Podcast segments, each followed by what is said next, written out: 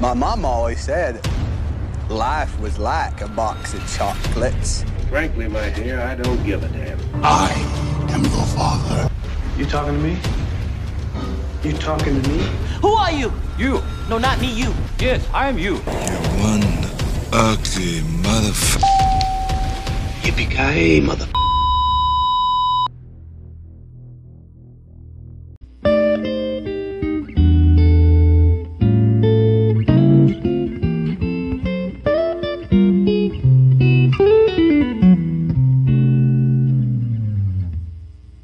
Widih, kira-kira apa yang akan kita lakukan ya bila kita sebagai pemusik tiba-tiba kehilangan indera pendengaran kita?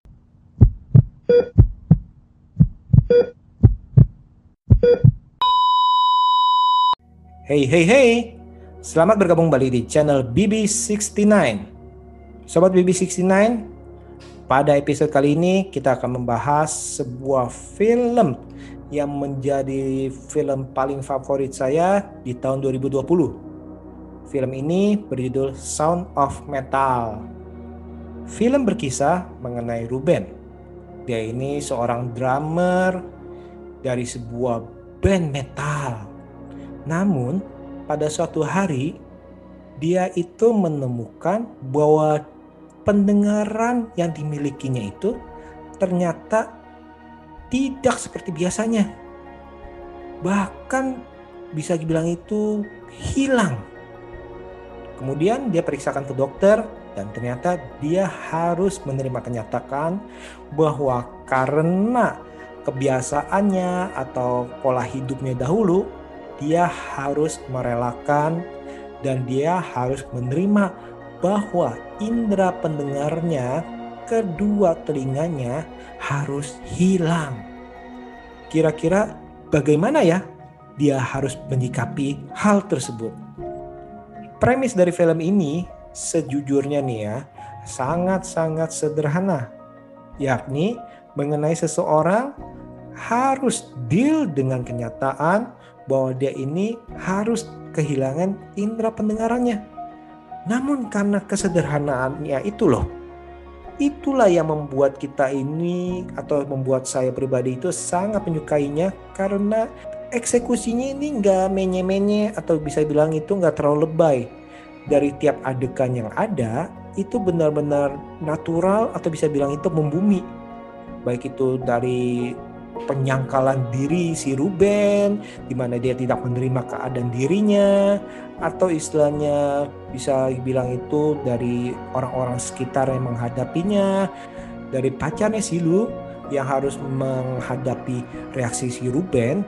Nah itu itu menurut saya sih itu benar-benar dibuat begitu natural dan tadi yang saya bilang itu karena kenaturalannya inilah yang membuat kita ini benar-benar relate ya bisa dibilang ya benar-benar tidak eh, tidak asing Nah, di sini juga ada beberapa adegan seperti apa yang saya suka ini adegan di mana dia itu datang ke komunitas untuk orang-orang itu narungu di mana dia harus belajar belajar untuk membiasakan diri dengan keadaan barunya.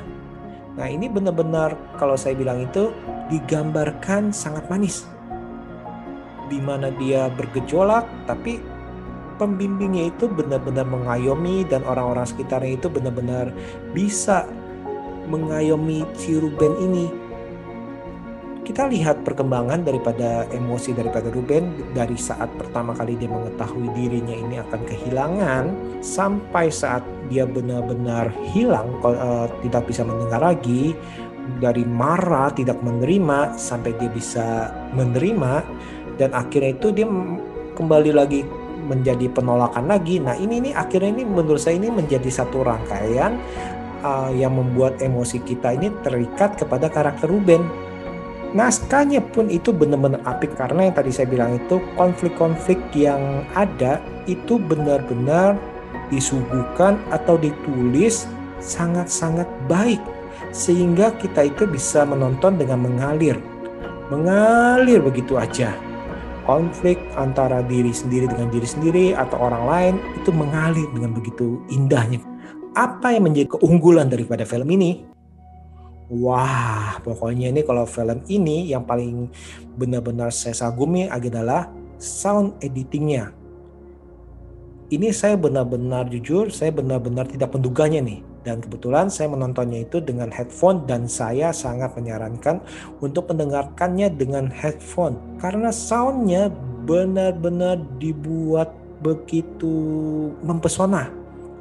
Kita seolah-olah dibuat seperti kita itu menjadi dirinya si Ruben. Dikala suara-suara yang mulai bisa bilang mulai hilang dari pendengarannya dia, sayup-sayup seperti kita di dalam bisa bilang kayak kuping kemasukan air. Nah, itu benar-benar dipresentasikan di film ini dengan sangat mengagumkan.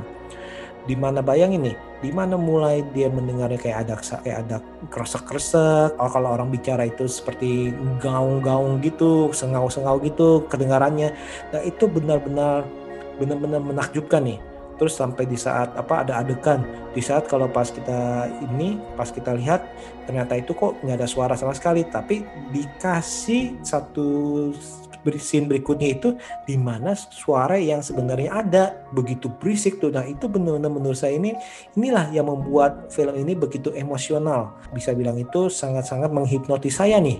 Yang membuat film ini sangat berkesan bagi saya. Tadi dari premis sudah kita ketahui yang sangat sederhana. Dari cerita kita udah ketahui bahwa naskahnya itu sangat apik. Terus dari sound editingnya itu benar-benar mempesona. Ditambah lagi nih, kita tambah lagi dengan sang aktor yakni Riz Ahmed.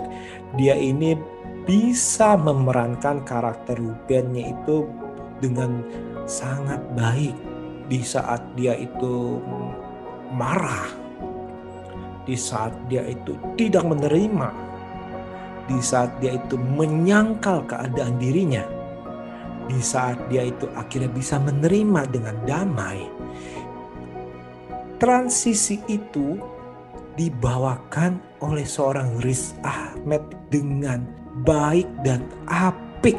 Mungkin sebagian dari kita bisa bilang, oh ini kayak ini orang nih kita sering lihat nih, si ini nih kayaknya pernah lihat nih. Ya iya, karena dia ini memang sudah sering bermain di film-film yang mungkin kita sudah nonton. Sebut aja ada Nightcrawler, Venom, Four Lions, Rock One, A Star Wars Story, Jason Bourne, terus ada Mogul Mowgli juga.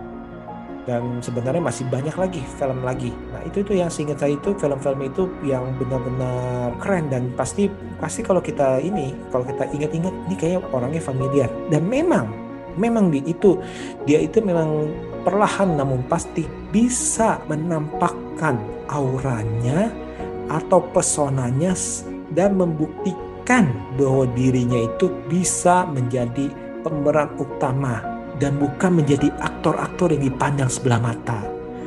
Wah, pokoknya ini saya sangat benar-benar sangat menyarankan bahwa kalian harus menonton film ini. Harus.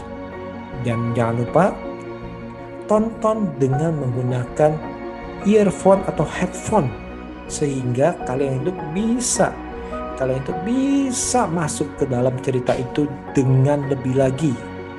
Oke deh, saya rasa sekian episode kali ini. Jangan lupa ya, tekan tombol like bila kalian suka dengan review ini. Tekan tombol subscribe dan notifikasi agar kalian dapat mendapatkan berita-berita atau review-review film terbaru yang kami review. Dan silakan tulis di kolom komentar mengenai pengalaman kalian saat menonton film ini. Apakah kalian sama seperti saya yang benar-benar enjoy dan terpesona dengan film ini atau mungkin kalian punya pendapat yang lain? Silakan, silakan tulis di dalam kolom komentar. Saya rasa sekian episode kali ini dan see you.